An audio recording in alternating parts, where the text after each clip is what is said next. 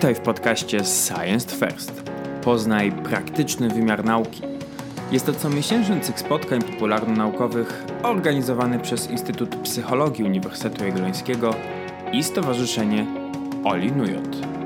To już finał trzeciego sezonu naszego cyklu. W dyskusji pod tytułem Czuję, że to już koniec. Klimat, emocje, depresja, która była 25. spotkaniem Science First, Wzięła udział pani profesor Katarzyna Jasikowska z Instytutu Socjologii UJ, która jest również członkinią Rady Klimatycznej Uniwersytetu oraz jedną z inicjatorek inicjatywy Klimatuj. Rozmówczynią naszą była również dr Weronika Kałwak z Instytutu Psychologii Uniwersytetu Jagiellońskiego, która realizuje grant dotyczący depresji klimatycznej. Partnerem tego spotkania był samorząd studentów Uniwersytetu Jagiellońskiego. Bardzo dziękujemy Wam za kolejny sezon spotkań i zachęcamy do odsłuchania archiwalnych nagrań i do zobaczenia, do usłyszenia już jesienią.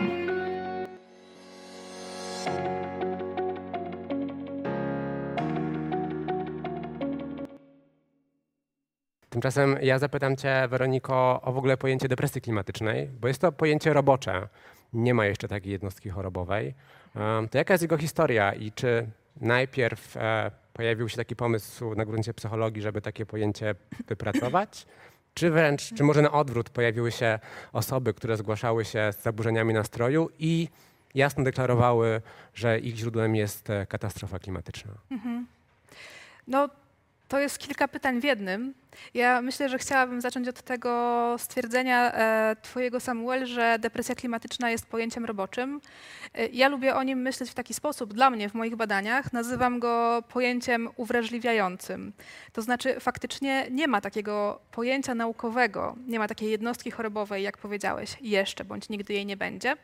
E, jest na pewno takie pojęcie potoczne. To znaczy, ludzie w ten sposób identyfikują się, e, w taki sposób nazywają e, swoje dolegliwości, swoje uczucia, można powiedzieć w pewnym sensie oddolnie. I mimo, że nie ma takiego pojęcia naukowego, to ja jako naukowczyni, badaczka społeczna, która próbuje zrozumieć to zagadnienie zdrowia psychicznego i emocji w kontekście klimatycznym. Ja lubię właśnie tego pojęcia depresji klimatycznej używać, dlatego że ono mnie uwrażliwia na to, jak mówią ludzie i ono mnie kierunkuje w stronę tego, co myślą i czują ludzie. Więc powiedziałabym, że nie jest nie tyle robocze, co potoczne i uwrażliwiające. A co z niego wyniknie dalej, to zobaczymy. No właśnie, bo psychologia zainteresowała się zmianą klimatu trochę z konieczności, mhm. a trochę z powodu tego, że nie mogła jak w ogóle nauka ignorować społecznych konsekwencji, jakie katastrofa klimatyczna niesie. E, ale pojawiła się też jakby, pojawiły, zaczęły pracować pewne narzędzia. Nawet na Wikipedii jest osobne hasło poświęcone psychologii klimatu. Mhm. Czym się w takim razie w ramach tej subdyscypliny zajmujecie? Wiem, że to jest znowu bardzo dobre pytanie i mhm. prowokujecie do kolejnej długiej wypowiedzi, ale czym się zajmujecie, z jakich narzędzi korzystacie i a, może nie będę korzystał o samą historię dyscypliny, subdyscypliny nie będę pytał. Ja nawet sporo się ostatnio nad tym zastanawiam i jakbym miała tak w miarę e, syntetycznie odpowiedzieć mhm. na to pytanie, czym się zajmujemy w ramach tej subdyscypliny, jaką jest psychologia mhm. klimatu, to zajmujemy się dwoma rzeczami. Ta, która jest bardziej intensywnie eksplorowana e, i dłużej, znacznie więcej badań jest realizowanych, to ta, która zajmuje się tym, w jaki sposób psychologia i psychologowie mogą wpływać na ludzkie zaangażowanie w tak zwaną akcję klimatyczną. Czyli na przykład, jakie ludzie przeżywają emocje e, w związku ze zmianą klimatu i e, które emocje bardziej sprzyjają zaangażowaniu, a które emocje powodują, że ludzie się wycofują z zaangażowania, czyli na przykład rezygnują z aktywizmu.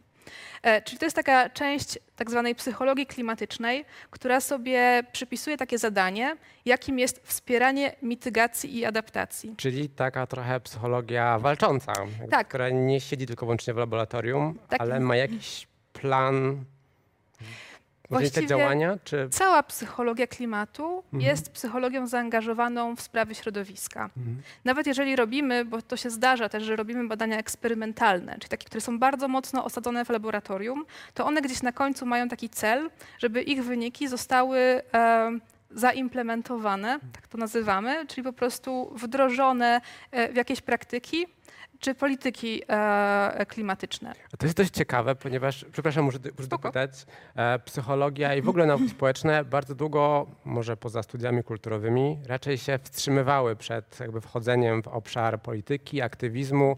Robiły często zastrzeżenie, że okej, formułują jakieś diagnozy, ale aktywizm to już nie jest domena nauki. Mhm. Jak sobie z tym poradziła psychologia?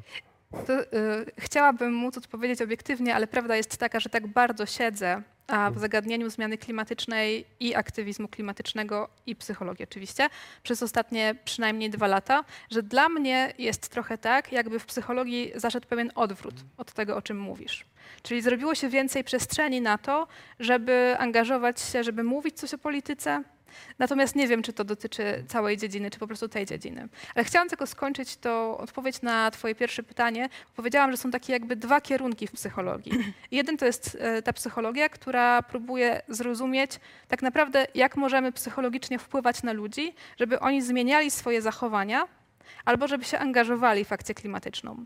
A drugi nurt, znacznie mniej e, zbadany, a wcale nie nowszy, i ten akurat mnie bardziej interesuje, to jest ten nurt e, badań psychologicznych, czy ogólnie jest to, można powiedzieć, nurt badań medycznych, społecznych i psychologicznych, który zajmuje się kwestią zdrowia psychicznego. I to jest to, co mnie bardziej interesuje, dlatego skupiam się na tej depresji klimatycznej, czyli jakie konsekwencje zmiana klimatu ma dla naszego zdrowia psychicznego. Okej, mamy punkt widzenia psycholożki i punkt widzenia badań psychologicznych, więc musimy postawić w sumie takie samo pytanie socjolożce. E, Twoja perspektywa także zajęcia się tematem no jest zdecydowanie dłuższa chyba jak u Weroniki, bo, bo Weronika meandrowała w swoich badaniach e, zanim się pojawiła w tym temacie. U Ciebie edukacja globalna od samego początku e, działalności naukowej była gdzieś, gdzieś, gdzieś ważna i w publikacjach możemy to zobaczyć, ale powiedzmy może sobie i o Tobie, ale i o socjologii w, kontekście klimatycznym. Znaczy, ja może sprostuję, że mm, edukacją globalną zajmuję się już od y, kilkunastu lat, ale to nie jest początek mojej drogi naukowej, bo ona jest jeszcze dłuższa. Prze- Poprzestańmy tutaj. Natomiast rzeczywiście y, kluczowym, y, ważnym, a w tej chwili dla mnie już od pewnego czasu centralnym wątkiem jest kryzys y, klimatyczny, czy kryzys klimatyczno-ekologiczny, bo to jest znacznie, znacznie szersze pojęcie. I gdybym miała w taki skondensowany sposób odpowiedzieć po tej fantastycznej wypowiedzi Weroniki, czym dla mnie, jako dla socjolożki, jest e, no właśnie problem kryzysu klimatyczno-ekologicznego, to bym powiedziała, że dla mnie oznacza on kryzys wyobraźni przede wszystkim. E, I kryzys wyobraźni, ale w takim co najmniej dwojakim sensie. Po pierwsze, mm, to jest kryzys wyobraźni w takim znaczeniu, że my ze względu na ogrom powiązań, mm, rzeczy, które, procesów, które wpływają na to, że właśnie dzieje się to, co się dzieje, to my sobie tego nie potrafimy wyobrazić i w związku z tym e, mamy także problem z przeżywaniem tego. I tutaj ukłon w stronę, w stronę Weroniki. E, A druga rzecz, która mnie chyba znacznie bardziej interesuje, i to jest ukłon w stronę nauki zaangażowanej, to jest, że my nie mamy wyobraźni, co robić, żeby sobie z tą sytuacją, w której się znaleźliśmy, efektywnie poradzić. E, I to jest znacznie, e, wydaje mi się, większe wyzwanie i ważniejsze dla zaangażowanych naukowców. I mam nadzieję, że do tego tematu jeszcze wrócimy. Czyli rozumiem, że u ciebie tej e, wyobraźni nie zabrakło, bo zajęłaś się tym naukowo i więc stwierdziłaś, że to, co możesz zrobić, to poświęcić swoją karierę naukową właśnie, tem, właśnie temu tematowi. I tutaj znowu sprostowanie. To, co ja robię, to jest e, pogranicze nauki i aktywizmu. Mhm. E, Czyli, drodzy Państwo, no to jest e, Są za to punkty? Za to, za to nie ma punktów, za to w najgorszym razie jest banicja, ale w najlepszym razie jest uznanie, zwłaszcza studentek i studentów, którzy po prostu tego ode mnie jako od naukowczyni, jako od osoby, która mm, no po prostu y, żyje z nimi, tymi problemami, y, oczekują i nazywają, czego, czego po prostu potrzeba y, i co w ramach akademii, poza robieniem oczywiście nauki, bo tego nikt nie kwestionuje, czym naukowcy powinni się tu i teraz zajmować. I ja próbuję to robić. Ty mówisz, Kasiu, o tym e, prawdopodobnie z punktu widzenia swojego dłuższego doświadczenia, ale to tak bardzo do mnie trafia, ponieważ ja odkąd zajmuję się kwestią e, depresji klimatycznej, czyli około półtora roku, doświadczam czegoś takiego, e, co zawsze mi towarzyszyło, ale nigdy w takim stopniu. Znaczy tego, jak bardzo studenci potrzebują tego, żebyśmy zajmowali się rzeczami, które ich osobiście dotyczą. I to przekłada się w takim stopniu na badania, które próbuję prowadzić, że moi współpracownicy i współpracowniczki, które są moimi studentami, jednocześnie e, są właściwie osobami, które są życiowo zaangażowane w te sprawy, które razem badamy. Staramy się robić to w taki sposób, który nazywamy partycypacyjnym albo badaniami w działaniu, ale tak naprawdę są to osoby, które są jednocześnie aktywistami i aktywistkami, a czasem też e, same cierpią z powodu takich dolegliwości, które nazywamy depresją klimatyczną, mają takie symptomy czy uczucia. Bo to się chyba, przepraszam za na chwilę, bo mówimy chyba jednak o takim obszarze, obszarze naszego życia, którym nie da się chyba zająć, wejść w niego naukowo, nie być aktywistą jednocześnie. W sensie, no, bo no, trzeba by na co dzień wyć, stać i wyć, znaczy tak się chce sto, stać i wyć, ale wydaje mi się, że no, nie wiem jak to w waszym jest otoczeniu. Weronika powiedziała właśnie o, tych studentkach, studentkach rewelacyjnych, których mamy tutaj wokół różnych inicjatyw na uniwersytecie zgromadzonych i nie tylko, bo przecież to są już licealiści, chciałem powiedzieć gimnazjaliści, ale i młodsi, młodsze osoby. No paradygmat się zmienił wśród młodych i chyba wśród badaczy, którzy się tym zajęli też musiał się zmienić, że no, Ja myślę, Tomku, że ty dotykasz w ogóle problemu na osobny cykl programu. Mm, Czym jest nauka? Komu służy? e, W imię czego powinniśmy e, robić badania i podejmować swoje działania? I dokąd nas to wszystko prowadzi? E, I mm, nie podzielam Twojego entuzjazmu, że mamy do czynienia już z takim przesunięciem paradygmatu i definiowaniem tego, czym e, zajmują się naukowcy. Myślę, że świat nauki, w tym nasz uniwersytet, w tym względzie jest no, bardzo zróżnicowany. Bardziej myślałem o młodych. Naukowcy jeszcze długa droga. W tym momencie możemy polecić i zachęcić do obserwowania Naukowcy dla Klimatu. Jest taka inicjatywa. Tak jest. E, Są też dziennikarze dla klimatu, więc y, jest ich nadal niewielu w porównaniu do tego, ilu powinno być. Ale Czy Tomek zawsze jest entuzjastyczny, nawet kiedy zapowiada program o końcu świata?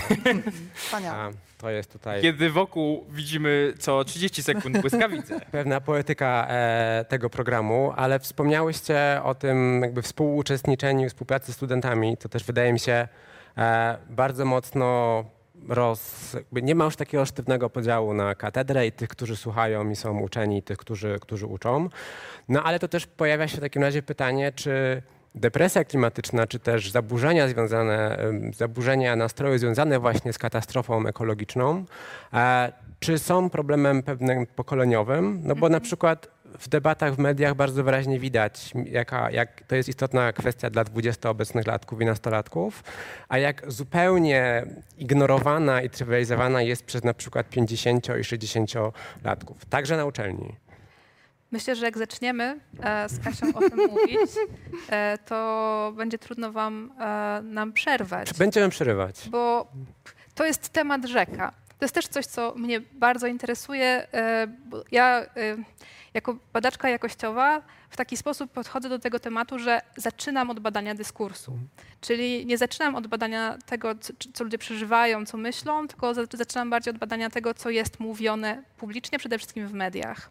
I to, o czym mówisz, czyli to, że problem dotyczy bardziej młodych osób, moim zdaniem jest raczej dyskursem niż prawdą. Każdy dyskurs jest prawdziwy też. Tak, w sensie, że jest to dyskurs, który z jakiegoś powodu w ten sposób jest konstruowany. E, rozmawiałyśmy o tym zresztą e, podczas jednych e, zajęć, Zajęć. które prowadziłam u Kasi na, na kursie klimatycznym. Myślę, że e, to jest bardzo złożone zjawisko społeczne. Ja myślę, że młode osoby po prostu są wychowywane w ten sposób, że im jest łatwiej mówić o trudnościach psychicznych, a przez to znają też pojęcia, mają tą wiedzę, przez to łatwiej im jest przeżywać na przykład depresyjne stany jako depresyjne stany, ale to wcale nie znaczy, że osoby e, należące do tych pokoleń starszych nie przeżywają tego na sposoby dla siebie charakterystyczne. No i teraz badania pokazują, wprawdzie nie nie jest to do końca w tym naszym kontekście, chociaż nie wiemy tego, ja chciałabym to zbadać, że e, w takich krajach, w których skutki e, katastrofy klimatycznej są bardziej namacalne, czyli mamy do czynienia z suszami, z upadkiem rolnictwa. Prawda? i z różnymi bardzo takimi Pozdrawiamy dźwiękowców. intensywnymi zjawiskami pogodowymi, na przykład wśród e, farmerów australijskich czy, e, czy farmerów kanadyjskich, no, którzy nie są młodymi ludźmi, tak, tylko są często w średnim wieku, mamy do czynienia ze znacznym pogorszeniem się tego statusu zdrowia psychicznego, czyli na przykład wzrostem, e, znacznym wzrostem ryzyka samobójstw albo znacznym wzrostem spożywania substancji psychoaktywnych.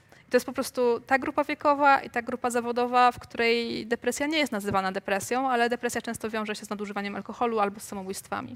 To po prostu trochę inaczej się rozkłada w różnych pokoleniach, to w jaki sposób depresja jest przeżywana. I to właściwie nie tylko w kontekście klimatu, ale w ogóle. Ale tutaj też y, nawiązałaś do, do Australii, nawiązałaś do miejsc, w których no, te zmiany otoczenia, najbliższego otoczenia ludzi, którzy żyją z naturą, są dla nich drastyczne i którym nie, nie są w stanie sobie poradzić. Ale zdaje się, że też, y, no może trochę, trochę odbiegnę, ale zdaje się, że ostatnio e, pojawiło się w ogóle też e, wniosek, żeby dodać ekobójstwo, nie wiem czy się orientujecie w tym temacie, do, e, do mm, Trybunału Zbrodnie przeciw przyrodzie. Zbrodnie Tak. przeciw przyrodzie, tak? I, i oczywiście, no, Trybunał, konwencja rzymska zdaje się, nie chcę, nie przepraszam, jeżeli motam, ale, ale właśnie zaczęło lać fascynująco. Mieliśmy siedzieć na polu, dobrze że nie siedzimy. E, Ja nalegałem, żebyśmy siedzieli. nie, bo zastanawiam się, czy. No bo mówisz, że oni nie mają diagnozowanej nigdy tej depresji, ale czy ktoś się Ja, nad czy ja nim... mogę to Jasne, skomentować, no bo my wiem, mówimy że- bardzo dużo o pojęciach i to też jest bardzo znaczące. To znaczy mówimy, że na przykład w psychologii nie ma pojęcia depresji, znaczy nie obowiązuje, nie ma jednostki Tak, tak, chorobowej, depresja y, klimatyczna. Mm, W samej klimatologii nie ma pojęcia y, katastrofy klimatycznej, którym my w języku potocznym umownie oczywiście się posługujemy, używając wymiennie z kryzysem y, i zakładamy, że katastrofa to jest po prostu mocniejsze określenie. Otóż w klimatologii go nie ma. Nauczyłam się od, od pewnej znajomej y, klimatolożki. Y, My po prostu mm, także jako środowisko nauki pewne rzeczy wypieramy, być może nie nazywając. Prawda? Oczywiście terminy nie są najważniejsze. Najważniejsze jest to, co się z nami dzieje, jak na to reagujemy i co z tym wszystkim zrobimy. Y, Natomiast y, właśnie nieużywanie tych mocnych słów, ono też jest pewną informacją y, o tym, jak reagujemy na, na tą aktualną sytuację. Prawda? Ale My nie chcemy. wybieramy?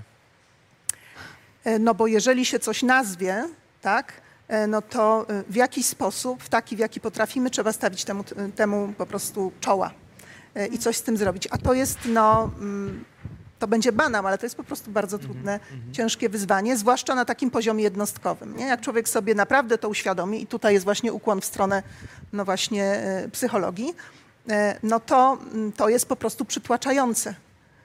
No i niestety różni ludzie o różnej wrażliwości gorzej bądź lepiej sobie z taką sytuacją e, radzą. Tak? Mówiłaś o pewnym kryzysie wyobraźni i rozumiem, że zmiana języka ma pobudzić tę wyobraźnię.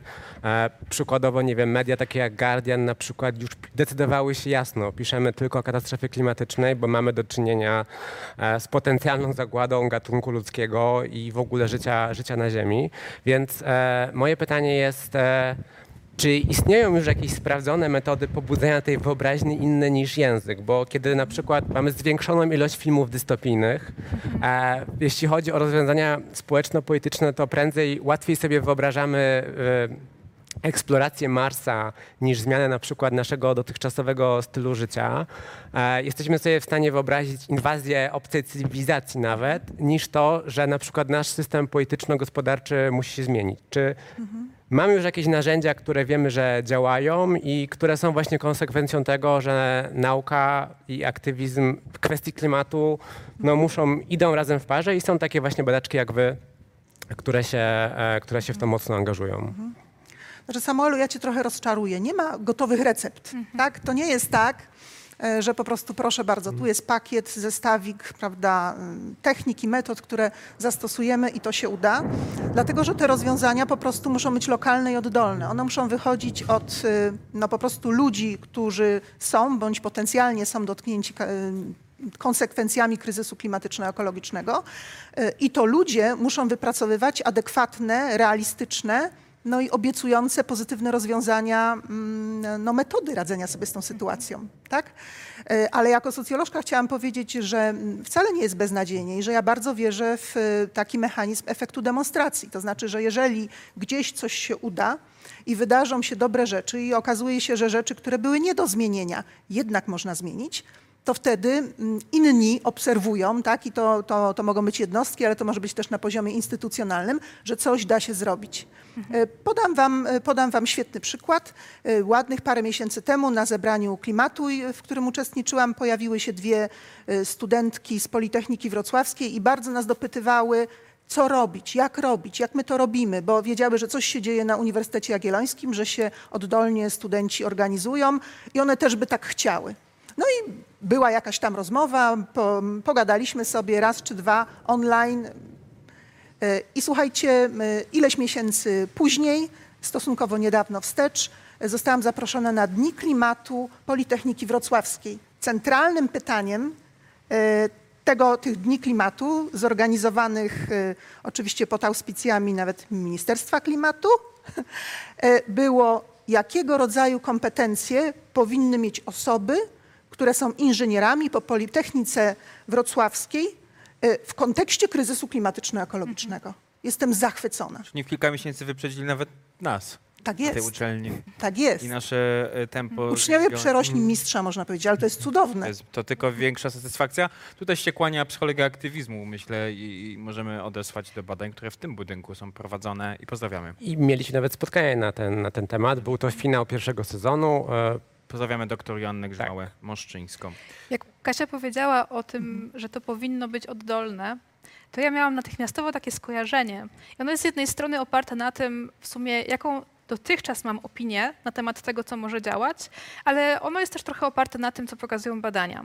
I takie naprawdę bardzo labor- laboratoryjne badania, eksperymentalne badania w psychologii e, pokazują, że im bardziej pewnym sensie zmaterializujemy e, osobie pogląd na temat tego, jakie są konsekwencje zmiany klimatu, czyli na przykład przełożymy je na coś, co jest e, bardziej e, geograficznie zlokalizowane bliżej na przykład, albo przełożymy na to, jakie są konkretne wydarzenia, jakie konkretne konsekwencje, czyli z tych słów, które są takie ogólne, przełożymy na coś bardziej takiego materialnego, bardziej ucieleśnionego, w pewnym sensie oddolnego, tym łatwiej jest nam wzbudzić taką emocjonalną reakcję, która przekłada się na przynajmniej intencję do działania, jaką, jakąś gotowość do działania. A ja z kolei mam taką myśl, ja robię zupełnie inne badania. Ja robię badania oparte na czytaniu tego, co ludzie piszą w internecie, na wywiadach. I po e, cyklu wywiadów z aktywistami mam wrażenie, że to, co e, z jednej strony utrzymuje długotrwałych aktywistów w ich działaniu, czyli chroni przed odejściem, to jest y, kontakt z przyrodą. Że są przyzwyczajeni albo mają w zwyczaju mieć stały kontakt z przyrodą i to jest źródłem takiej motywacji znacznie bardziej pierwotnej niż to, co się na przykład dzieje w środowisku aktywistycznym, czy co jest wyrażane... W innych tak, tematach Właśnie. aktywizmu. A, Mhm. a dodatkowo jeszcze, to jest tylko taka intuicja. Nie wiem tego na 100%, więc nie traktujcie tego jak faktu naukowego, ale mam wrażenie, że to samo, czyli właśnie ten kontakt z przyrodą jednocześnie chroni e, przed tym całym spektrum e, uczuć, bo to nie są zaburzenia, to są czasem jakieś symptomy psychiatryczne, ale to są bardziej takie bardzo silne emocje, które nazywamy depresją klimatyczną czy lękiem klimatycznym. Że te osoby, które są przyzwyczajone do kontaktu z naturą, które się często wychowały w naturze, chociaż przeżywają te emocje smutku, rozpaczy, to one są ogarniane w pewnym sensie. Nie są takie intensywne, żeby, żeby uniemożliwiały im życie.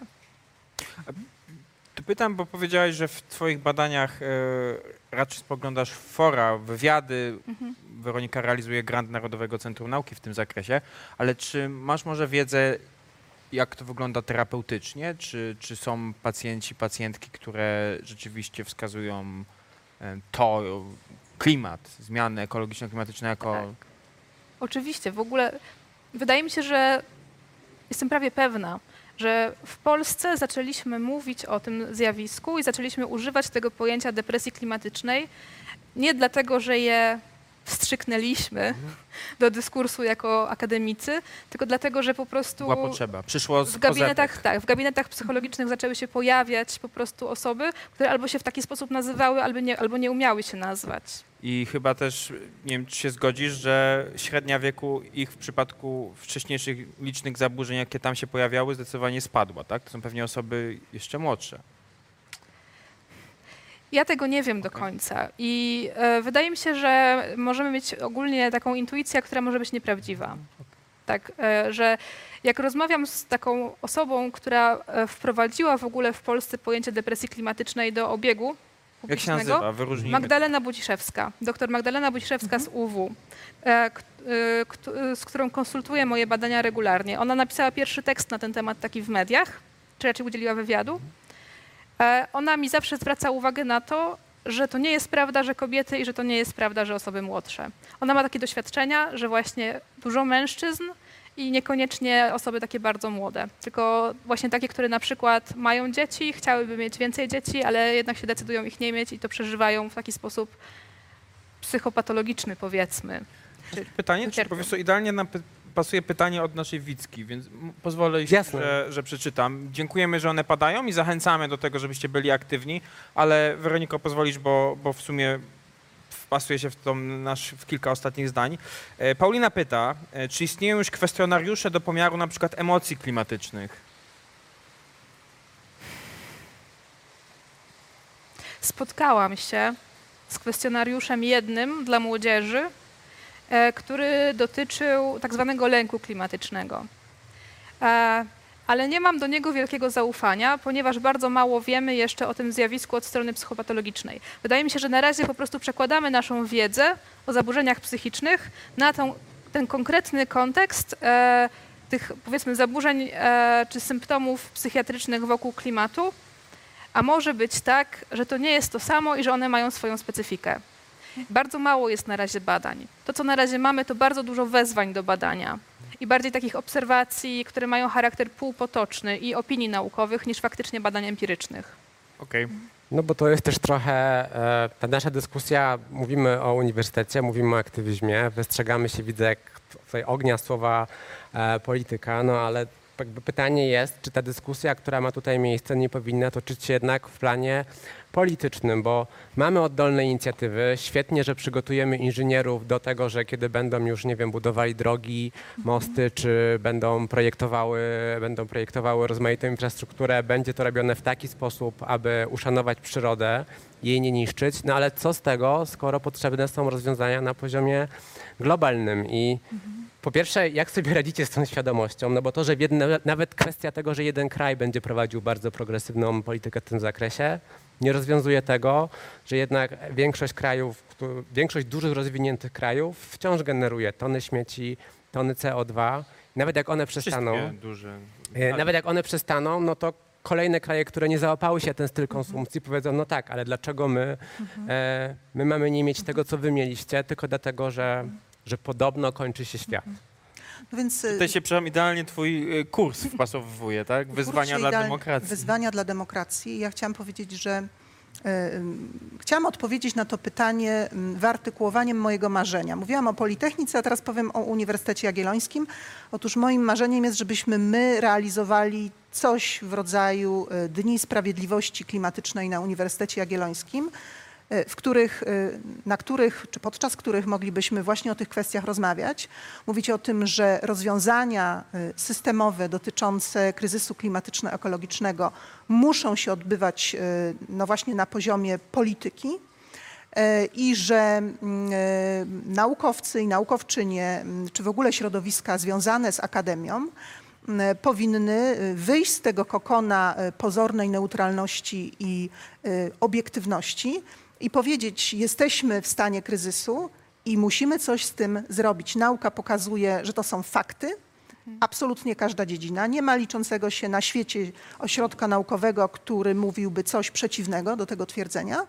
Y, I w związku z tym cała nasza energia powinna pójść w to, żeby sobie z tym problemem jak najlepiej, rozpoczynając od lokalnych działań, poradzić. I oczywiście sieci, sieciując się na poziomie globalnym i mam nadzieję, że Uniwersytet Jagielloński po prostu rozpoczyna wędrówkę dokładnie, dokładnie w tym kierunku. Więc ja się nie odżegnuję absolutnie od słowa polityka. Życie jest polityką. E, Bez politycznych rozwiązań nic się nie zmienia. Miód na moje serce. Ale 657 lat później od założenia Uniwersytetu Jagiellońskiego możemy się cieszyć z tego, e, że powstała e, Rada Klimatyczna na Uniwersytecie. W tym miejscu możemy podziękować e, Katarzynie i tym, którzy zaangażowali się w, Klimatuj. e, w, w, i też podpisali petycję. Tak jest. I my podpisaliśmy petycję, pewnie Weronika, choć tych podpisów wydawałoby się, że powinno być jeszcze więcej. Ja coś podpisałem? Chciałem cię stary trochę wypromować na plus. No. Ja nic No nie nawet podpisuję. wiedziałeś, że nie była Nie. petycji. Dobrze. Sprawdzimy. Pozwolicie, pozwolicie, że wrócimy do interesującej rozmowy. E, nie, no, bo wiem, że w tej twoim aktywizmie uniwersyteckim e, jest dużo też goryczy tego, jakie mamy tempo tych działań, e, ale jest Rada Klimatyczna. Wydaje się, że też szybko powstała od waszego spotkania z władzami uniwersytetu w porównaniu do wielu innych działań. Ale jakbyśmy mogli sobie, informując naszych widzów, nasze widzki o tym, że ona istnieje, nie przechodząc przez kto, kto w niej jest, w tym momencie to nie jest ważne, jakie stawiacie przed sobą najważniejsze cele krótko i długoterminowe? Znaczy, ja chciałam powiedzieć tak, że rzeczywiście w styczniu delegacja Klimatu i też osobiście w niej uczestniczyłam, e, spotkała się z rektorem Uniwersytetu Jagiellońskiego, e, wręczając e, petycję wzywającą do m, opracowania strategii klimatycznej Uniwersytetu Jagiellońskiego. E, Ta, ta petycja ze strony rektora spotkała się z pozytywnym odbiorem. E, I teraz w telegraficznym skrócie y, w maju wyszło zarządzenie dotyczące powołania Rady Klimatycznej. E, Poprzedziło je kolejne spotkanie z lektorem i nasze, nasza propozycja powołania takiej rady łącznie z propozycją składu tej rady. No i teraz powstało jakieś nowe ciało, ktoś powie, prawda? E, Ono ma zadanie takie Ile razy się zebrało od tego czasu? Od tego czasu zebrało się zaledwie dwa razy, ale ono ma ym, przede wszystkim opiniować, ono ma przygotować strategię, która y, no, po tych wszystkich szczeblach, i tutaj nie będę wymieniać, y, jak przejdzie, to zostanie zatwierdzona przez Senat, a to będzie oznaczało, że y, rektor i każdy kolejny rektor, chyba że taka uchwała zostanie odwołana, będzie miał obowiązek ją realizować. To, jest, to są oczywiście takie bardzo abstrakcyjne rzeczy, które ludziom wydają się bardzo nudne, ale ja, bym- ja bym chciała tutaj może przy okazji Rady powiedzieć, y, jak ja to widzę i co ja bym chciała w tej Radzie robić. Twoje expose. Trzy hasła, dobrze? Trzy hasła, bo to, że będzie jakaś strategia, że jest Rada, to wiecie, to są nudy, tak? Po, po, po rezultatach poznamy, czy to było warte tego wysiłku. Po owocach ich poznania. Tak jest, tak jest. Więc trzy hasła, drodzy Państwo. Edukacja. E, I za chwileczkę rozwinę każde z tych haseł w dwóch zdaniach. E, Zdrowie psychiczne, równość płci. To są wszystkie hasła wywoławcze, które dla mnie bardzo konkretnie wiążą się z próbą rozwiązywania problemów wynikających z kryzysu klimatyczno-ekologicznego. I chciałam powiedzieć przykładowo, co to oznacza edukacja e, w ramach Uniwersytetu Jagiellońskiego. Otóż moim marzeniem jest zeroemisyjność naszej uczelni. I drodzy Państwo, chodzi o to, żeby na przykład każdy, a przez każdy rozumiem od portiera do rektora, od pani sprzątającej do pani kwestor, rozumieli, co to jest ślad węglowy, wiedzieli, w jaki sposób redukować swój ślad węglowy w miejscu pracy i dlaczego to jest takie ważne. Tak, to jest przykład, żebyśmy wszyscy rozumowali w ten sam sposób i potrafili mierzyć swój postęp w podejmowaniu działań prowadzących do zeroemisyjności uczelni. I robili to. I robili to. No, no, A nie no tylko potrafili. Potrafili, robili to, prawda? Ma być efekt mierzalny w dodatku. E, Druga rzecz, zdrowie psychiczne, drodzy Państwo. Ja tutaj cudownie nawiążę do tego, Weroniko, co Ty już powiedziałaś. E, Zdrowie psychiczne, czyli życie w równowadze i szacunku do przyrody, której jesteśmy częścią. No i mam nadzieję, że tutaj istnieją dosyć, duże, do, dosyć duży potencjał podejmowania w mikro, a także w makroskali, e, no właśnie manifestowania owego szacunku na terenie Uniwersytetu dla Przyrody, tworzenia miejsc em, takich, w których my jako ludzie po prostu będziemy się dobrze czuli, gdzie będziemy mogli odpoczywać, gdzie będzie można właśnie tak jak tutaj zamknąć oczy i słuchać deszczu albo śpiewanie, śpiewu ptaków, tak? Mm, Ale równocześnie także w zamkniętych budynkach, że będą miejsca, gdzie człowiek po prostu może odpocząć, gdzie czuje się dobrze, albo gdzie będzie można w kameralnej i filtrowanej przez rośliny atmosferze e, sobie porozmawiać. Tak więc to, to są oczywiście już drobiazgowe, szczegółowe rozwiązania. Równość płci, no drodzy Państwo, chcemy żyć we wspólnocie. My mamy głód wspólnoty, mamy głód solidarności, e, która jest właściwie jedyną drogą i podstawą do podejmowania wspólnych, zbiorowych działań, które przyniosą efekty. Więc to są takie oczywiście hasła, tak, ale chciałabym, żeby Rada Klimatyczna no po prostu materializowała małymi krokami, a czasami większymi, przy wsparciu rektora, przy wsparciu pani kanclerki, która jest y, członkinią Rady, która już zasłużyła sobie na e, opinię właśnie osoby, która chce coś zmieniać i która wspiera e, tego typu działania. E, Więc e, pomimo depresji klimatycznej jestem jednak e, dobrej myśli. Ja bym tylko jeszcze dodał, e, jako że wiadomo, Wydział Filozoficzny bliski naszemu sercu, a rzecznika tego wydziału najbardziej, że jest bardzo dobrze i szeroko reprezentowany, bo tutaj z Instytutu, z kolei ze Związku Zawodowego właśnie wspomniana już dzisiaj Joanna Grzyma-Maszczyńska, oprócz tego studentka Ewelina Łanoszka, jest również e, rzeczniczka... Dorota Łanoszka. Doro, przepraszam, Dorota Łanoszka, e, rzeczniczka pani profesor Beata Kowalska, jesteś e, ty oraz... e, Kogoś pominąłem? Cztery Z wydziałów e, Cztery cztery. osoby. A łącznie osób jest y, kil- 25. 25. Chciałem, przepraszam, nawiązać do twojego os- ostatniego punktu, bo to też jest bardzo interesujące. Myślę, że często gubione w informacjach o katastrofie klimatycznej, że kobiety są pierwszymi ofiarami zawsze katastrofy klimatycznej. Tak, to znaczy gen- generalnie ym, wszystkie kategorie osób, które są e, e, no właśnie nieuprzywilejowane na, na rozmaite sposoby. I to mm, widać zarówno w, takim, w takiej perspektywie międzynarodowej, czyli e, no to już jest taki banał, prawda, że mm, e, biedni, czy biedne kraje, czy jak to się określa, e, biedna, biedne południe jest bardziej poszkodowane i ponosi koszty no, naszego rozhulanego, konsumpcjonistycznego stylu życia już teraz i będzie ponosić, prawda, bo ludzie muszą migrować, bo, bo nie mają dostępu do wody, bo następuje pustynnienie, albo zasalane są grunty orne, albo po prostu, tak jak w Bangladeszu, domy się walą, prawda, i ludzie e, nie mają co z tym zrobić i to jest realny problem e, dla ludzi. Ale to ma także wymiar mm, taki bardziej złożony i skomplikowany, bo nawet w zamożnych społeczeństwach e, to grupy nieuprzywilejowane, reprezentantki i reprezentanci tych grup, no są niestety wystawieni na, mm, wystawieni na niekorzystne działanie klimatu. No, przykładowo spójrzmy nawet na Kraków, prawda? Dni upalne, które to jest udowodnione naukowo, jest ich coraz więcej.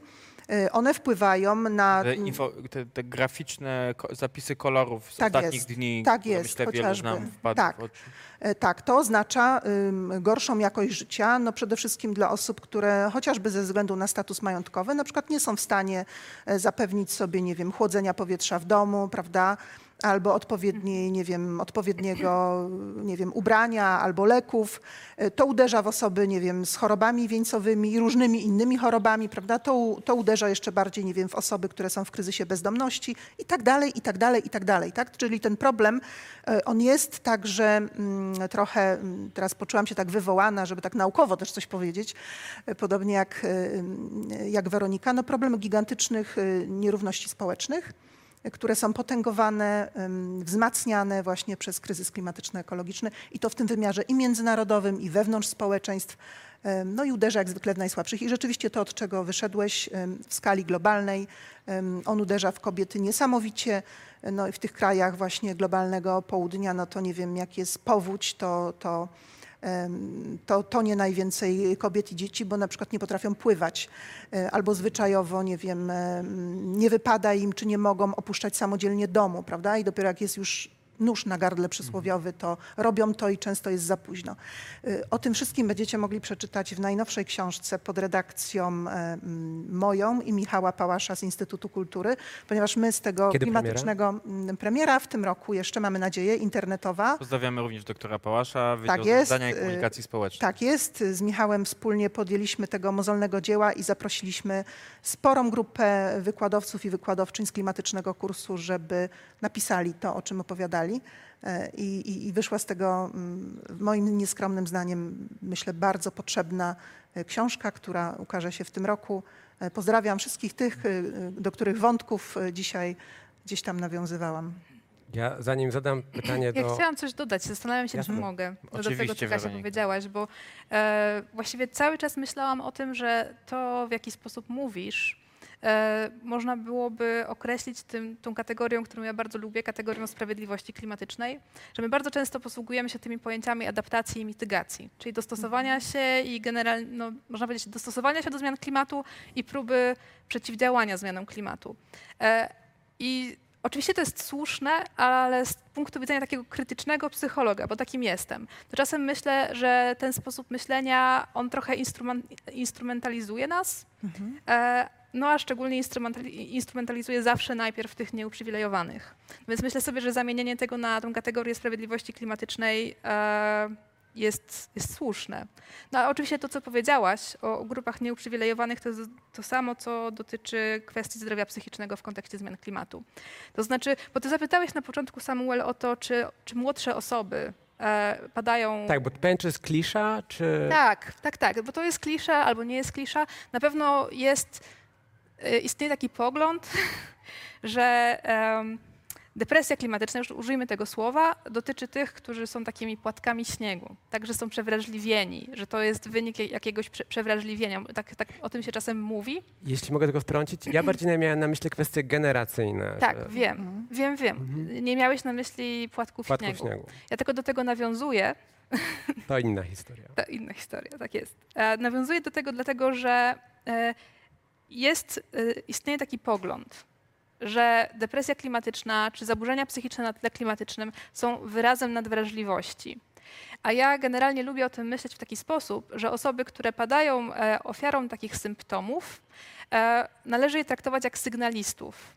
To znaczy, może trochę szybciej niż populacja padają ofiarą pewnych uczuć, czasami nadmiernych uczuć, ale to e, w pewnym sensie jest dla nas zapowiedzią tego, co będzie dotyczyło e, coraz, będzie zataczało coraz szersze kręgi. Czyli najpierw padają ofiarą ci, którzy z jakichś innych powodów są bardziej wystawieni albo nieuprzywilejowani. I właściwie to pokazują badania, tak, że ofiarą trudności psychicznych na tle klimatu najpierw padają wszystkie grupy nieuprzywilejowane.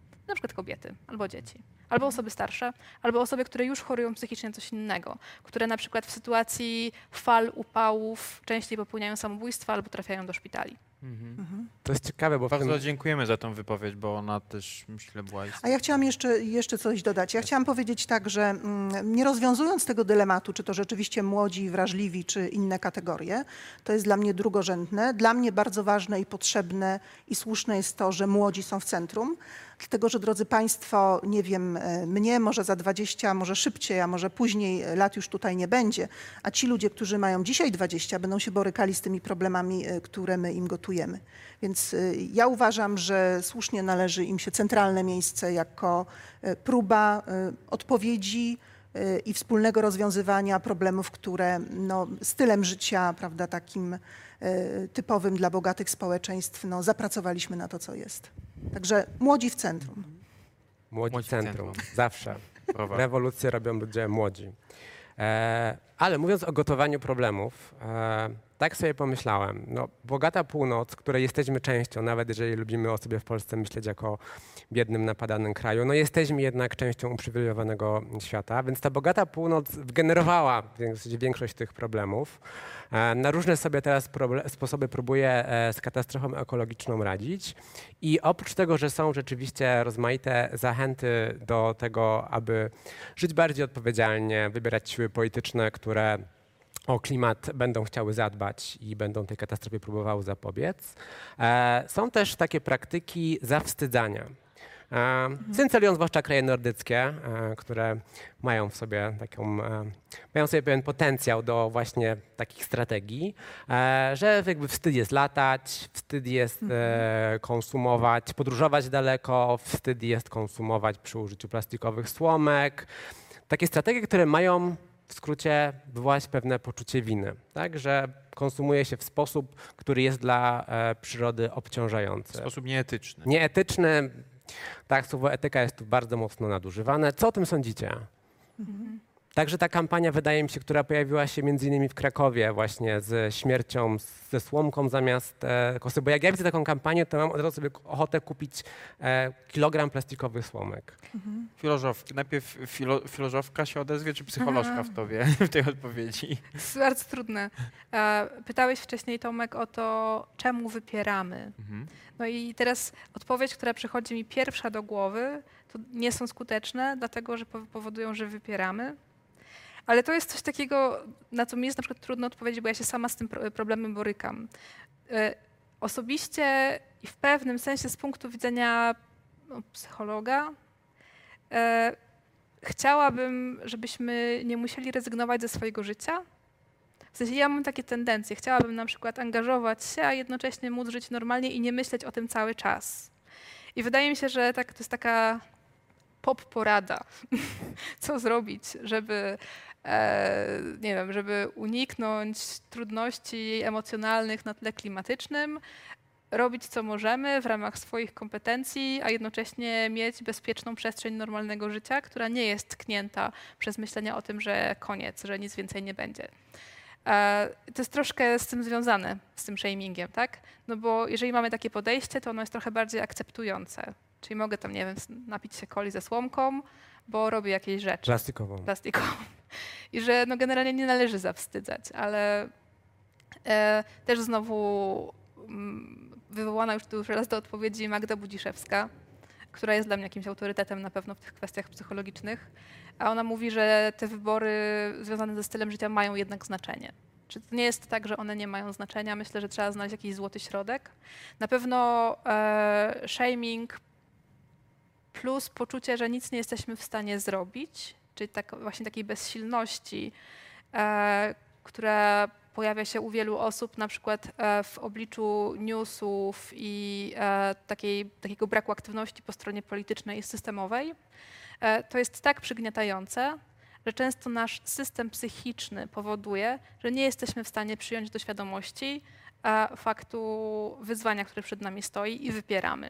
I wydaje mi się, że zawstydzanie dokłada się do tego wypierania. A tak przynajmniej sobie wyobrażam jako psycholog, że tak w ogóle nasza psychika działa. Wstyd jest jedną z najbardziej awersyjnych emocji, jakie w ogóle istnieją. Znacznie bardziej niż smutek, strach. Wstyd jest jednym z najbardziej intensywnych negatywnych emocji. No i być może nie powinniśmy w niego inwestować w tej komunikacji klimatycznej, bo to nas prowadzi w jakąś taką inną stronę. Ja bym ten wątek jeszcze podbił pytając socjolożkę, bo ten wstyd wydaje mi się, czy te praktyki zawstydzania mają taki bardzo mocny wymiar klasowy. No bo jednak osoby zamożne są w stanie sobie pozwo- pozwolić na zakup drogich e, produktów z opraw organicznych, podczas gdy doszło do paradoksu. Biedni jedzą mięso, bo mięso jest wyprodukowane w sposób w koszmarnych warunkach, ale tanio, a bogaci zaczynają jeść warzywa.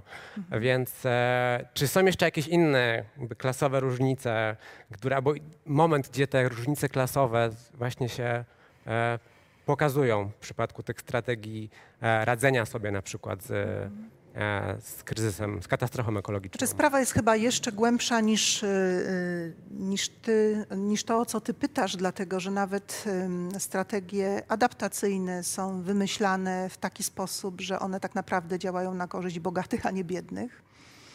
E, W związku z czym e, no, takie strukturalnie, głęboko gdzieś zakorzenione nierówności, no, chociażby polegające na tym, że, że nie wiem, że są wymyślane rozwiązania przez e, bogatych ludzi z północy dla tych biednych z południa, które są nieadekwatne i nie rozwiązują problemów, które rzekomo adresują.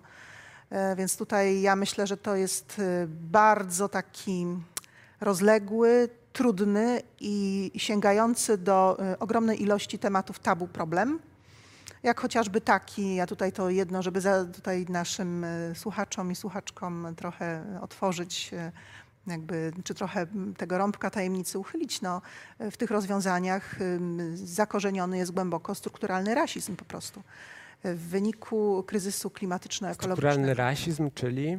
Strukturalny rasizm, czyli coś, co jest troszeczkę inne od tego rasizmu potocznego, że na przykład jakaś osoba czy jakieś grupy dyskryminują na tle rasowym jakieś inne osoby czy inne grupy, tylko strukturalny rasizm to są takie relacje na szczeblu międzynarodowym, które utrwalają nierówności właśnie w oparciu i dyskryminację w oparciu o rasę, nazywając rzecz po imieniu w kontekście kryzysu klimatyczno-ekologicznego, przede wszystkim giną, tracą życie, zdrowie i podstawy do egzystencji ludzie o czarnym kolorze skóry. Koniec, kropka. Jest to y, niesamowicie trudny fakt do przyjęcia, do przetrawienia ym, i do mm, opracowywania skutecznych i sprawiedliwych rozwiązań. Tak? Czyli my musimy się skonfrontować nie tylko z y, gigantycznym problemem dotyczącym całego systemu ziemskiego, ale także z gigantycznym problemem dotyczącym tego, jak my sami definiujemy jako ludzie, jako przedstawiciele konkretnej e, prawda, grupy żyjącej w uprzywilejowanym społeczeństwie, jak definiujemy swoją relację z resztą świata. E, I dlatego to jest tak szalenie trudne, prawda? Bo to nie jest problem technologii. To mm, być może też nie jest problem e, rozwiązań i wiedzy, bo, bo nauka wie już rozmaite dziedziny. Ja mogę mówić oczywiście w imieniu swoim, ale na kursie też dokształciłam się od koleżanek i kolegów, którzy z różnych dziedzin opowiadali e, na temat kryzysu e, klimatyczno-ekologicznego. Rozwiązania są, ale jest szalenie trudno e, cokolwiek zrobić, bo blokują nas i nasze nawyki, i te strukturalne uwarunkowania, i klasowe, i rasowe, i genderowe, i wszystkie inne. One się w tym punkcie, który się nazywa kryzys klimatyczno-ekologiczny, przeplatają i nakładają na siebie. I kombinacja jest po prostu wybuchowa. I dlatego to jest tak szalenie trudne. Tutaj y, myślę, że troszkę dotykamy też tematu, którym chcemy się zająć na najbliższym spotkaniu Punkt Krytyczny, na dwa możemy już dzisiaj zaprosić e, za dwa tygodnie. E, 5 albo 6 lipca będziemy mówić bardziej o etycznym wymiarze biznesu, czy on w ogóle może istnieć, ale w tym wszystkich, w tych słomkach, w tych wypowiedziach waszych, no budzi się we mnie no, ten, ten wielki fałsz, kto stał za tymi kampaniami, kto tak naprawdę ma największy wpływ na dewastację oceanów, a jaki minimalny wpływ na to ma, ma plastik, mikroplastik, a co robimy z rybołówstwem, zresztą są świetne filmy nawet, niedawno się pojawiły na Netflixie. czasem mówimy w taki sposób, nawet dzisiaj, jakbyśmy jako uniwersytet, jako akademia byli przedstawicielami systemu, a wcale tak nie jest. I nawet jak się spojrzy na to, kto czuje największą bezsilność w obliczu zmian klimatu, to można powiedzieć, że uniwersytety są raczej na tym marginesie razem z aktywistami. W sensie mamy faktycznie tą wiedzę, wiemy, co można byłoby zrobić, ale nie podejmujemy decyzji. I właśnie aktywiści, ale też naukowcy zajmujący się klimatem najczęściej padają ofiarą takich różnych uczuć e, bezsilności, e, często też rezygnują ze swojej aktywności czy z badań e, wokół spraw klimatycznych, właśnie widząc, że możemy mieć całą wiedzę świata, ona jeszcze nic nie zmienia, bo politycy za, e, po prostu decydują. A to ja, to ja wreszcie strasznie się cieszę, bo mogę się wreszcie z, z Weroniką nie zgodzić, A. bo tak sobie piłyśmy z dzióbków i tak fantastycznie zgadzałyśmy. Znaczy ja trochę poszerzę tylko, tylko te, znaczy po części się zgadzam, ale nie do końca. To znaczy patrząc okiem socjolożki, ja uważam, że akademia bardzo szeroko rozumiana wspiera status quo. I to jest problem. E, I że ci naukowcy i naukowczynie, o których ty mówisz, to jest margines tej akademii. Okej. N- I dla mnie to y, wygląda w związku z tym trochę inaczej. Ci, którzy no, się buntują i odzywają i zabierają głos i działają, to są takimi trochę, i mam nadzieję, że się tam nie znajdę, ale banitami nauki. Dziękuję. Y, Pozwolę sobie znowu wtrącić pytanie, które się pojawiło od naszych widzów i zachęcamy do kolejnych, bo, bo ono idealnie pasuje w ten moment rozmowy. E, nawet dwa. Pierwsze będzie, skieruję do ciebie Kasiu, czy demokracja liberalna jest w stanie uchronić nas przed skutkami zmian klimatu? Czy postępująca dewastacja środowiska oraz dotkliwsze skutki globalnego ocieplenia zamieszają na polu politycznym? To jest doskonałe pytanie. One, to, jest, to jest pytanie bardzo, y, bardzo zorientowanej i bardzo mądrej osoby, bo my, my już wiemy, prawda, że zmiany y, klimatyczno, y, czy kryzys klimatyczno-ekologiczny, on już y, wprowadza ferment polityczny. Y, No bo drodzy Państwo, uchodźstwo klimatyczne to jest pewien y, problem, e, jeden z centralnych, z którym e, e, my będziemy musieli się skonfrontować. E, Oczywiście e, takie szacunki e, mówiące o tym, jakie duże będą te fale uchodźstwa w skali świata, czy te fale uchodźstwa skierowane w kierunku Europy, bo to pewnie prawda, wszystkich najbardziej nas tutaj interesuje, bo najbliższa ciału koszula, one się bardzo różnią, bo to zależy znowu od bardzo wielu czynników i o ile ta temperatura się podniesie i w związku z tym, jakie przestrzenie będą nie do życia. E, ale to są takie szacunki, przy których ten tak zwany kryzys e, e, migracyjny z 2015 roku, tak zwany kryzys migracyjny, bo to był kryzys czegoś zupełnie innego, to jest po prostu błahostka. Nawet, y, znaczy ja wiem, że być może nie powinnam tak mówić i że to nie była błahostka, ale w porównaniu do tych prognoz, no Mówi to, się to o jest kilku gigantyczne. miliardach, Dokładnie. dwóch, trzech miliardach osób Brak- ze względu na przykład zmiany temperatury. Dokładnie. Jeżeli ludzie nie będą mieli wody, jeżeli dostępu do wody nadającej się do picia, jeżeli ludzie nie będą mieli dostępu do żywności, jeżeli ludzie nie będą mieli dostępu do po prostu miejsca do życia ze względu chociażby na temperaturę, Albo że ich wyspa zniknie z Albo, że wyspa tak zniknie, prawda? I to jest też już problem, który, który już realnie się dzieje, chociaż my znowu go w jakimś tam sensie wypieramy. No to to są problemy stricte polityczne, tak? To jest coś, co po prostu się już dzieje, e, tylko nas to jeszcze w takim stopniu naszej świadomości i to nie jest takie namacalne. Ale drodzy Państwo, szacunki są też takie, że jeżeli temperatura się będzie podnosiła w takim tempie jak teraz, to że na przykład w basenie e, Bałtyku będziemy mieli cholerę. I to jest może informacja, która powinna naszych polityków zainteresować, prawda? To będzie problem realny. I różne inne zdrowotne, dalekosiężne konsekwencje, może mniej spektakularne niż, y, niż cholera, ale, ale to się po prostu dzieje. Ja pociągnę to pytanie, bo mm, ono Bo jak naprawdę padło chcia- słowo demokracja liberalna, tak, chciałbym, jako osoba sceptyczna wobec projektu demokracji liberalnej, chciałbym przypomnieć, że jest to porządek jednak polityczny zaprojektowany po II wojnie światowej i jednocześnie bardzo silna pozycja sądów konstytucyjnych w tym porządku no, sprawia, że on bardzo wolno ewoluuje. Co więcej, ma tak wiele zabezpieczeń wewnątrz przed radykalnymi zmianami, że pytanie jest, czy ten system polityczny jest w stanie w ogóle dostosować się do zmiany klimatycznej i czy są, rysują się w obrębie socjologii, która ma jednak dość dużą wyobraźnię, ale psycholo- psychologii może raczej społecznej, e, jakieś alternatywne projekty wspólnot politycznych, e, które no, będą w stanie sobie z tym poradzić. No bo tak jak powiedziałem, no, demokracja liberalna e, jest raczej utrzymuje status quo niż cokolwiek jest w stanie radykalnie zmienić. Znaczy ja... ja- tutaj dodam, bo też miałem właśnie to pytanie na dziś, nie? Jak spoglądasz na walkę o klimat w tych krajach niedemokratycznych? Znaczy ja nie mam y, mądrej, gotowej y, odpowiedzi na to pytanie.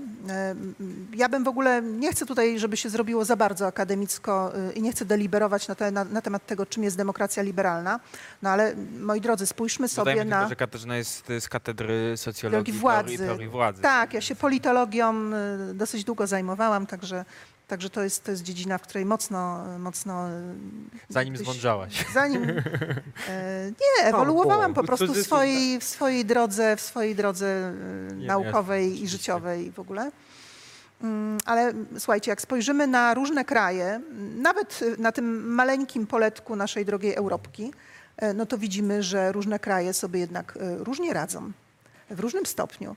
E, I to, że my je wszystkie wrzucimy do jednego worka i nazwiemy liberalną demokracją, to nie oznacza, że one wedle jednego wzoru e, funkcjonują. I myślę, że tutaj takie e, i kulturowe czynniki, i dotyczące historycznych trajektorii, e, i doświadczeń, które poszczególne kraje i wspólnoty mają, będą decydujące. A to, czy, czy to jest liberalna demokracja, czy jakoś to ją sobie jeszcze inaczej nazwiemy, dla mnie w dzisiejszej sytuacji jest sprawą e, zupełnie drugorzędną. Sensownym jest natomiast przyglądanie się, mm, e, jeżeli coś w jakimś kraju bardzo dobrze działa, dlaczego działa i czy nie można by tego zaaplikować u nas.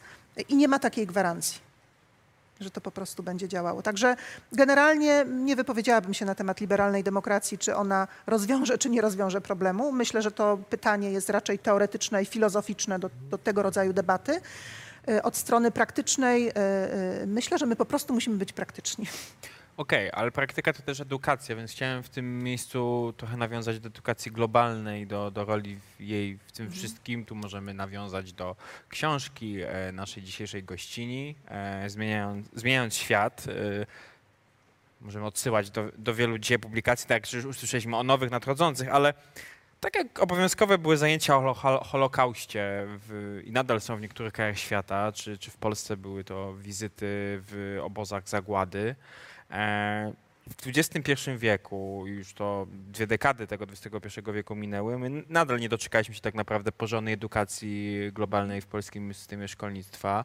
Ba, no, w zeszłym tygodniu widziałem, że nam miłościwie panujący minister spotkał się z młodzieżowym strajkiem klimatycznym i e, coś tam było naobieca, naobiecywane.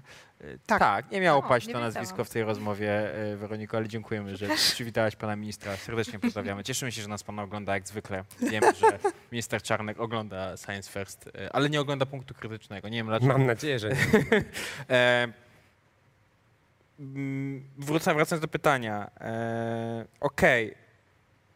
W szkołach nie wychodzi. Czy to jest rola teraz uniwersytetu? Czy szkoły uważasz, że to w szkołach się wzbudzi? Albo w ogóle no to była twój chyba konik naukowy, więc miejmy teraz tę chwilę na edukację globalną i tego, czemu Czy nie... za, zadałeś mi dużo, dużo pytań naraz. Em, Ja powiem tak, że środowisko osób, które rzetelnie, kompetentnie i na bardzo wysokim poziomie zajmowały się edukacją globalną w Polsce jest i istnieje.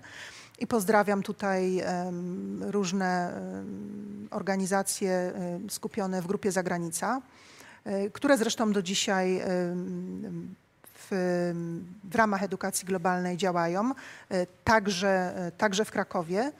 Edukacja globalna była, działała, czy próbowano ją realizować w systemie edukacji formalnej, także przy współpracy ministerstwa przez e, Ośrodek Rozwoju Edukacji, który takie kaskadowe szkolenia na skalę ogólnopolską robił dla nauczycieli i nauczycielek. Zdarzyło mi się nawet e, podręcznik do edukacji globalnej we współautorstwie z kilkoma osobami dla nich zrobić. Ona e, dość dobrze funkcjonowała w tych szkołach, które się na te programy zdecydowały, w których Wiesz, nauczyciele jak wiele sami... takich szkół było? Na, Tysiące. Tysiące. okej. Tysiące, tak. Różne duże organizacje typu Centrum Edukacji Obywatelskiej, Polska Akcja Humanitarna y, i wiele innych robiło i do dzisiaj robi dobre programy z zakresu edukacji globalnej i wiem, że elementem jej jest także mm, no, jakieś tam elementy, jakieś części e, edukacji klimatycznej. Ja myślę, że pytanie, dlaczego nie ma edukacji klimatycznej, to jest pytanie, drodzy Państwo, do kolejnych e, ministrów edukacji po prostu, czy jakkolwiek się to w toku historii nazywało. Nasza szkoła jest w toku permanentnych zmian. Każdy przychodzi, nowy minister i wprowadza ogromne zmiany, ale nie wprowadza tych, które wydają się y, bardzo kluczowe i potrzebne. To oczywiście nie jest takie proste, bo mm, z tymi różnymi typami edukacji to jest, y, jest co najmniej kilkadziesiąt tematów i różnych prawda, grup, które próbują zainteresować ministerstwo i realizować taką czy inną y, edukację. Domaga się tego strajk, y, młodzieżowy strajk klimatyczny i to już wiemy. Wydawałoby Em, się, że ten zakres z kolei jest najmniej kontrowersyjny może z wielu, które chciałoby się A wprowadzać. zdziwiłbyś się, bo swego czasu na dyskusji o tym, na jednym z protestów, gdzie miało być również miejsce dla strajku klimatycznego, czy też przedstawicielki organizacji zaangażowanej e, w, mm, w pracę na rzecz ochrony klimatu, jeden z liberalnych polityków potem skomentował, że była to demonstracja polityczna, a nie miejsce na dyskusję, co kogo boli. Co też pokazuje, że kolejne ekipy, bez względu skąd przychodziły polityczne, to pokolenie 50-60-latków Politycznie, nie powiem, nie powiem gdzie jest ich miejsce, natomiast jakby ich absolutnie świadomość, świadomość e, katastrofy klimatycznej jest, jest żadna, więc e, tutaj wydaje mi się musi nastąpić kwestia zmiana pokoleniowa. W przeciwnym Dokładnie. razie... Ja chciałam po, po, powiedzieć o pewnym bardzo dobrym przykładzie. Kiedyś miałam okazję prowadzić zajęcia y, na fińskim uniwersytecie ze studentkami, studentami pedagogiki. No, Finlandia oczywiście, no jak wiemy, no, chciałoby się porównać, szkolnictwa. chciałoby, no, to jest też y, stereotyp, oni się z tego naj- nabijają, oni Okej. się z tego nabijają, ale Ja jestem ofiarą tego stereotypu. ale, ale no nie, no umówmy się, no, mamy im czego zazdrościć, tak, nawet będąc bardzo, bardzo krytycznym. Prowadziłam z nimi zajęcia i w trakcie warsztatu poprosiłam, żeby no właśnie ci młodzi Finowie, którzy i Finki, którzy będą kiedyś, e, czy już bardzo niedługo nauczycielami, zaprojektowali e, system edukacji ich marzeń.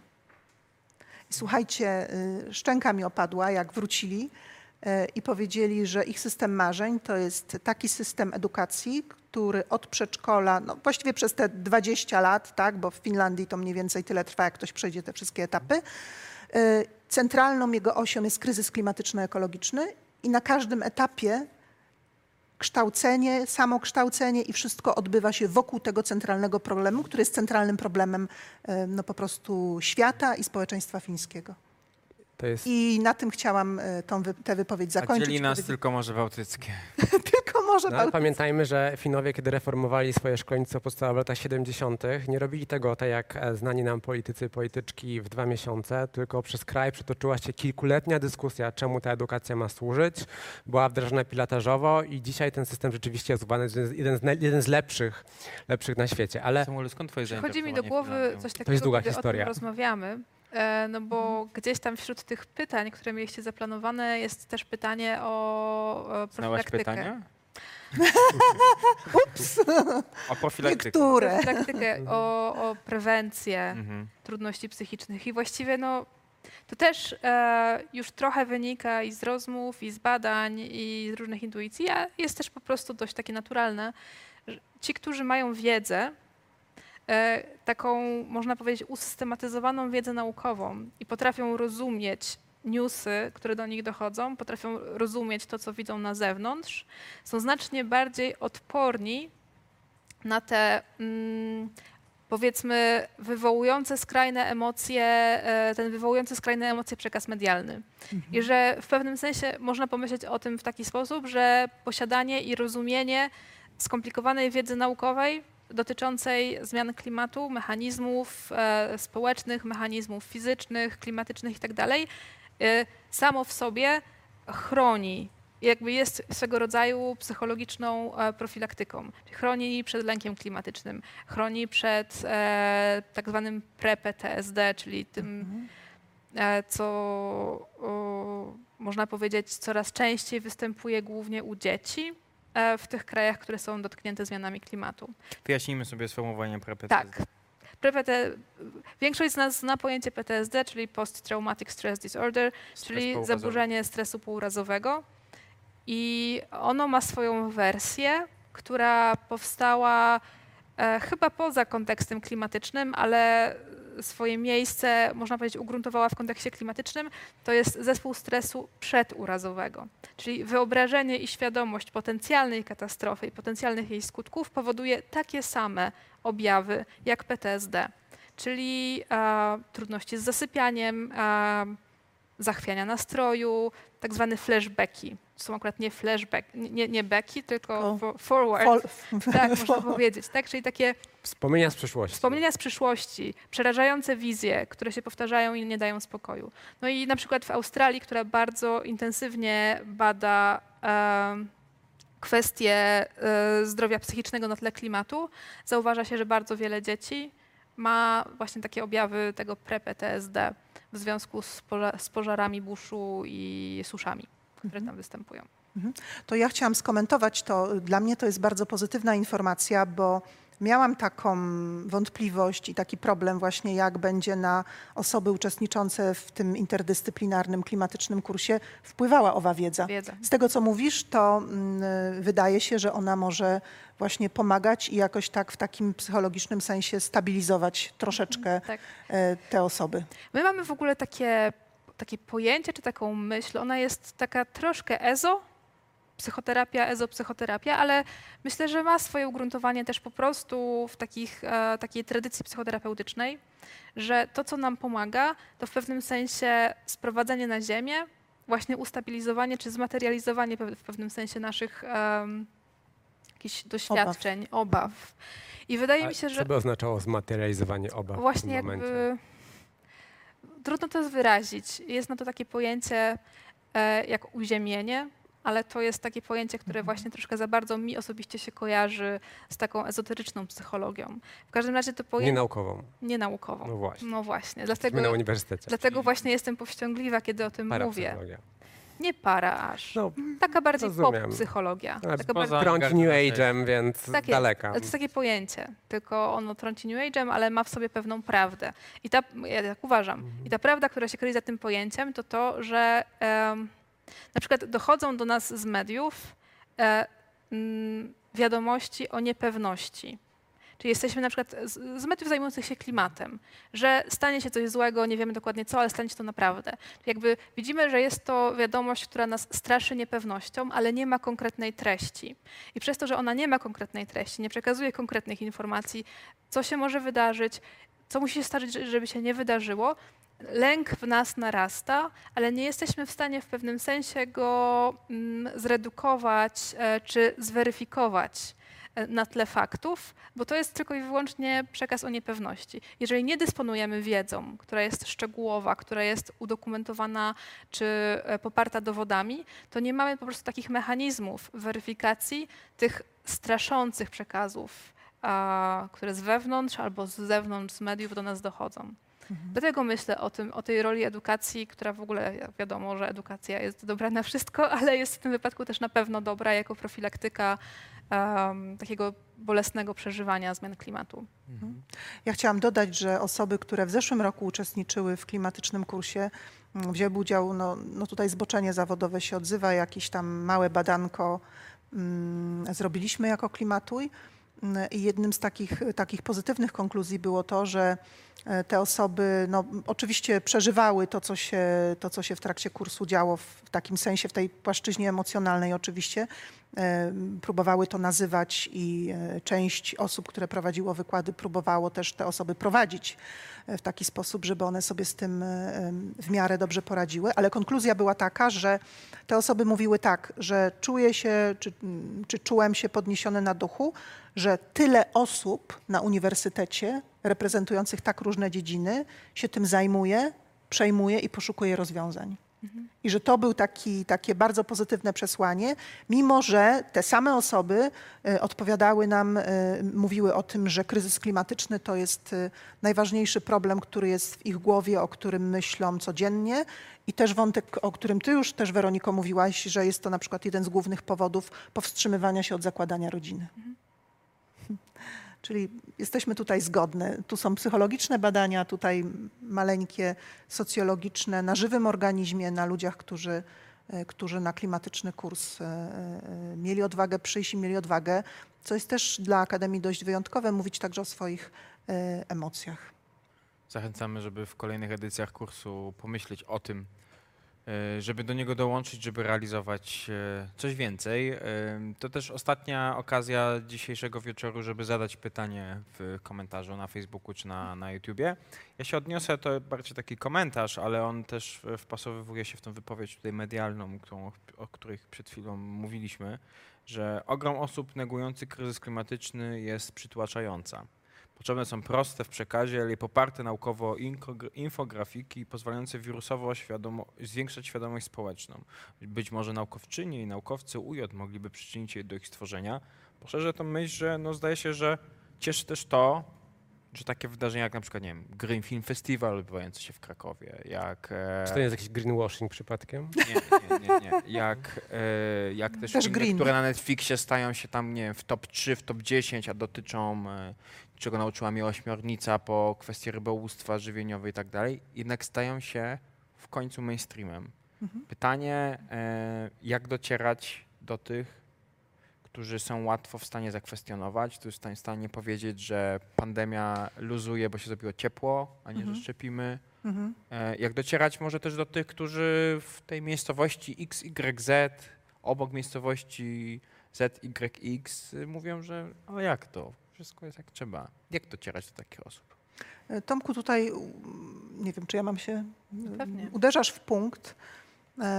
Odpowiedzią jest oparta e, o naukowe badania, naukową wiedzę, e, rzetelna i ciekawa popularyzacja.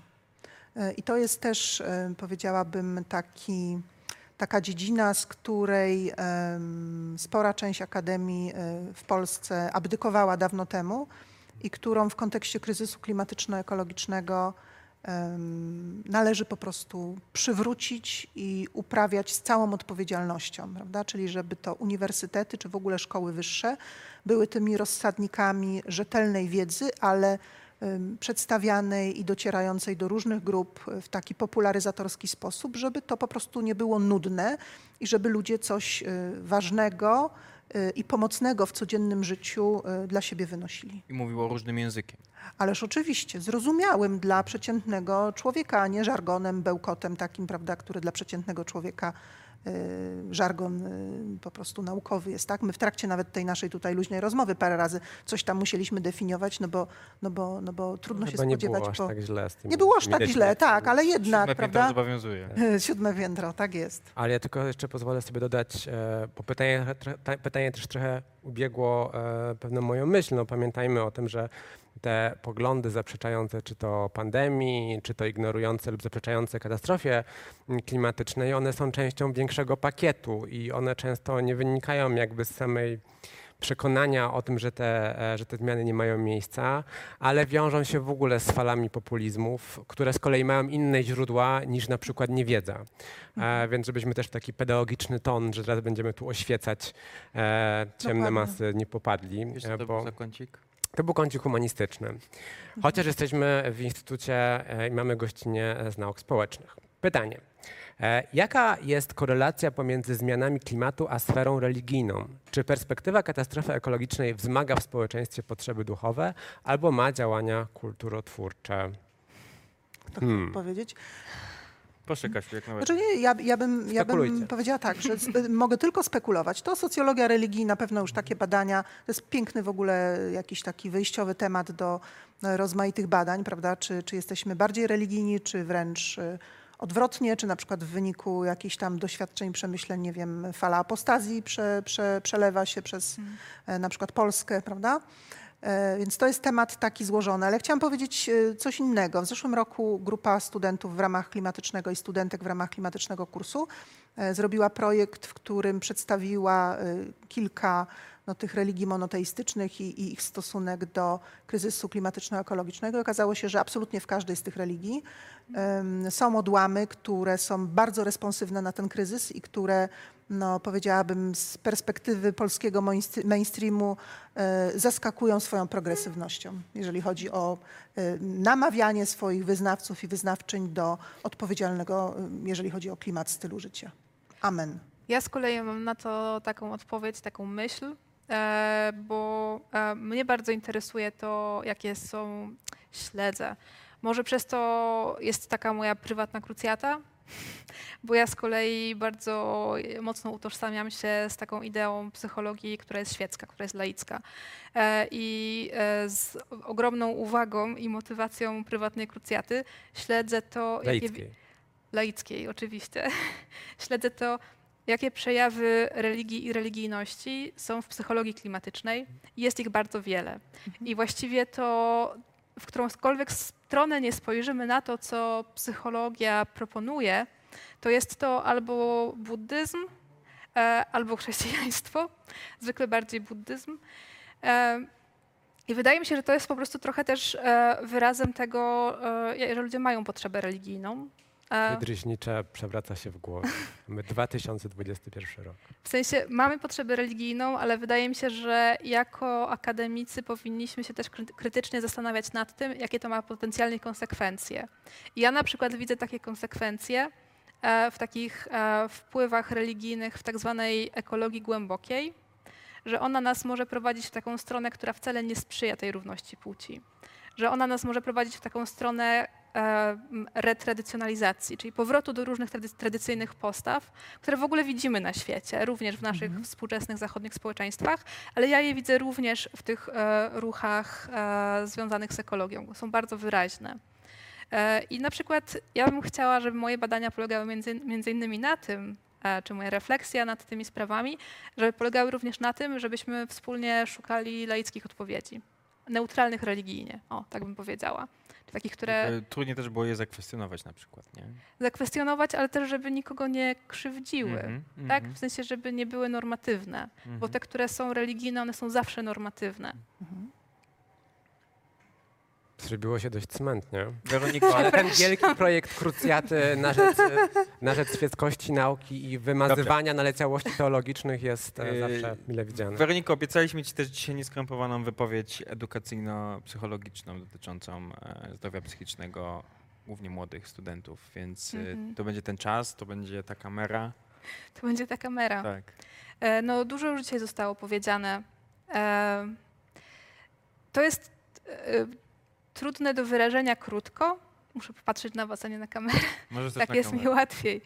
E, Chodzi o to po prostu, że to zaangażowanie e, w sprawy klimatu a u tych starszych i bardziej doświadczonych badaczy i aktywistów, jak wiemy z badań, wiemy z, z licznych artykułów prasowych w e, całym zachodnim świecie, bardzo często skutkuje różnymi uczuciami e, rezygnacji, faktycznym porzucaniem swojego życia, swoich planów, swojej pracy. Czyli ci, którzy są znacznie bardziej doświadczeni, znacznie bardziej ugruntowani w swoim środowisku, e, doświadczają czegoś na granicy depresji, tym bardziej, a często po prostu depresji. Depresja to jest bardzo pojemne słowo. Używamy go dzisiaj bardzo miękko. Niech wszyscy o tym pamiętają. Depresja jest e, chorobą. I teraz nie ma znaczenia, co jest jej źródłem. E, chorobę należy leczyć. Czyli jeżeli ktokolwiek czuje, mógł sam siebie w ten, w ten sposób określić, że doświadcza depresji, nawet takiej na tle klimatycznym, e, to po prostu powinien udać się po pomoc. I zawsze lepiej jest e, udać się po pomoc w pewnym sensie przedwcześnie i usłyszeć, że jest pani, jest pan zdrowy, proszę o siebie zadbać, odpocząć, ale nie ma, żadne, nie, nie ma potrzeby żadnego leczenia, niż zwlekać z udaniem się po pomoc. A Mówiłam o tych bardziej doświadczonych naukowcach, aktywistach, dlatego że wydaje mi się, że osoby, które są w tym okresie jeszcze rozwojowym, e, niedawno zostały, stały się dorosłe albo właśnie zbliżają się do końca studiów, e, mają zaraz pracę magisterską, muszą e, znaleźć pracę, być może założyć rodzinę, a jednocześnie borykają się cały czas z tymi myślami, że być może to w ogóle nie ma sensu, bo świat się skończy za mojego życia albo za, za życia moich dzieci, są jeszcze bardziej narażone na trudności.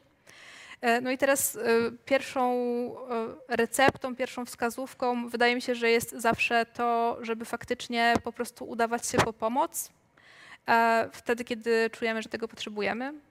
Ja, ja też myślę, że my mamy tendencję i na pewno w środowisku aktywistycznym, wiem to na 100%, jest tendencja e, do pracoholizmu po prostu do przepracowywania się, a pracoholizm, przepracowywanie się samo w sobie, Wypalenia wy, później. wypalenie później samo w sobie jest źródłem depresji, że jakby dobrze jest, żeby środowisko, ale też każdy z nas osobna dyskutowało o tym, jak robić to bezpiecznie i zdrowo.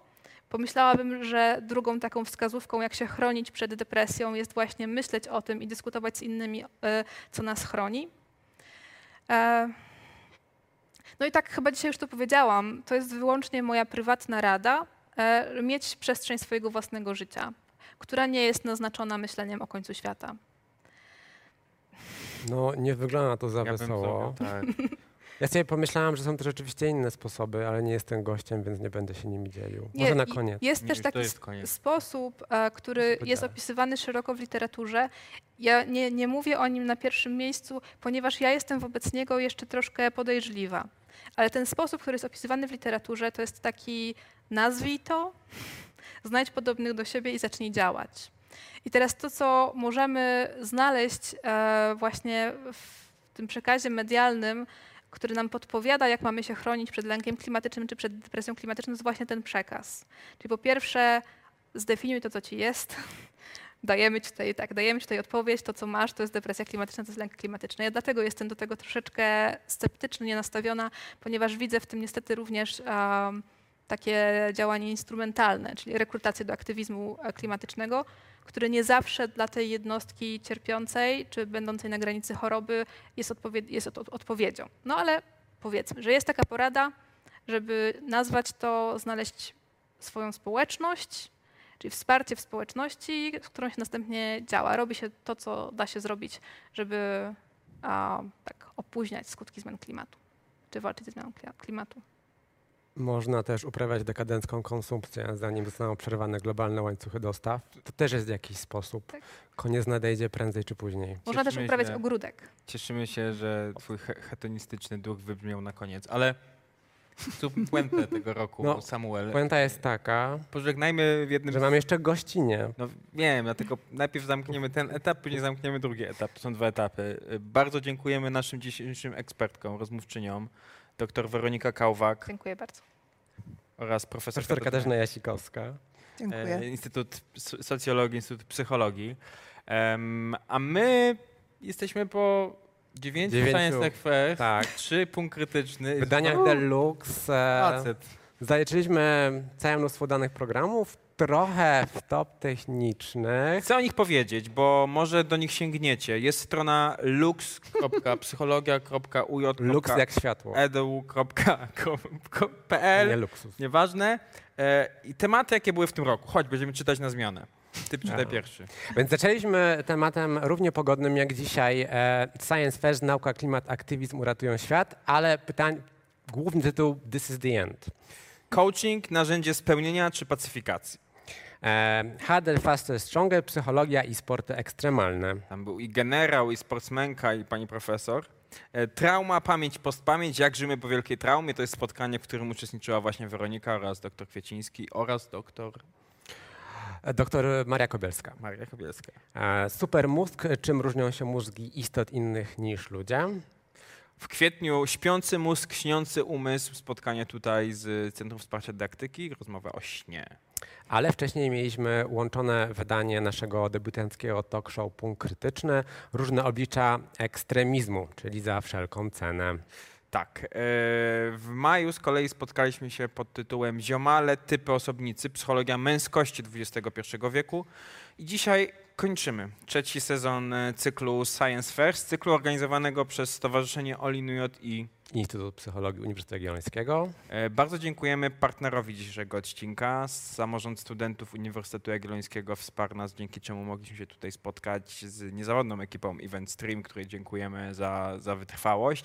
Em, Wawel nadal stoi, bo miało być go widać. Jest piękny zachód słońca. Może panowie na koniec wywalczą jakoś przesunięcie kamery, jak już się pożegnamy, żeby tam e, złapać. I wydaje mi się, że to był dobry rok, Samuelu. Gratuluję. Gratuluję, dziękuję. E, Był to wybitny rok, wydaje mi się, że rzeczywiście wkroczyliśmy na nowy poziom. E, Dziękujemy za, za wszystkie pytania, za wszystkie uwagi, za wszystkie komentarze, także krytyczne.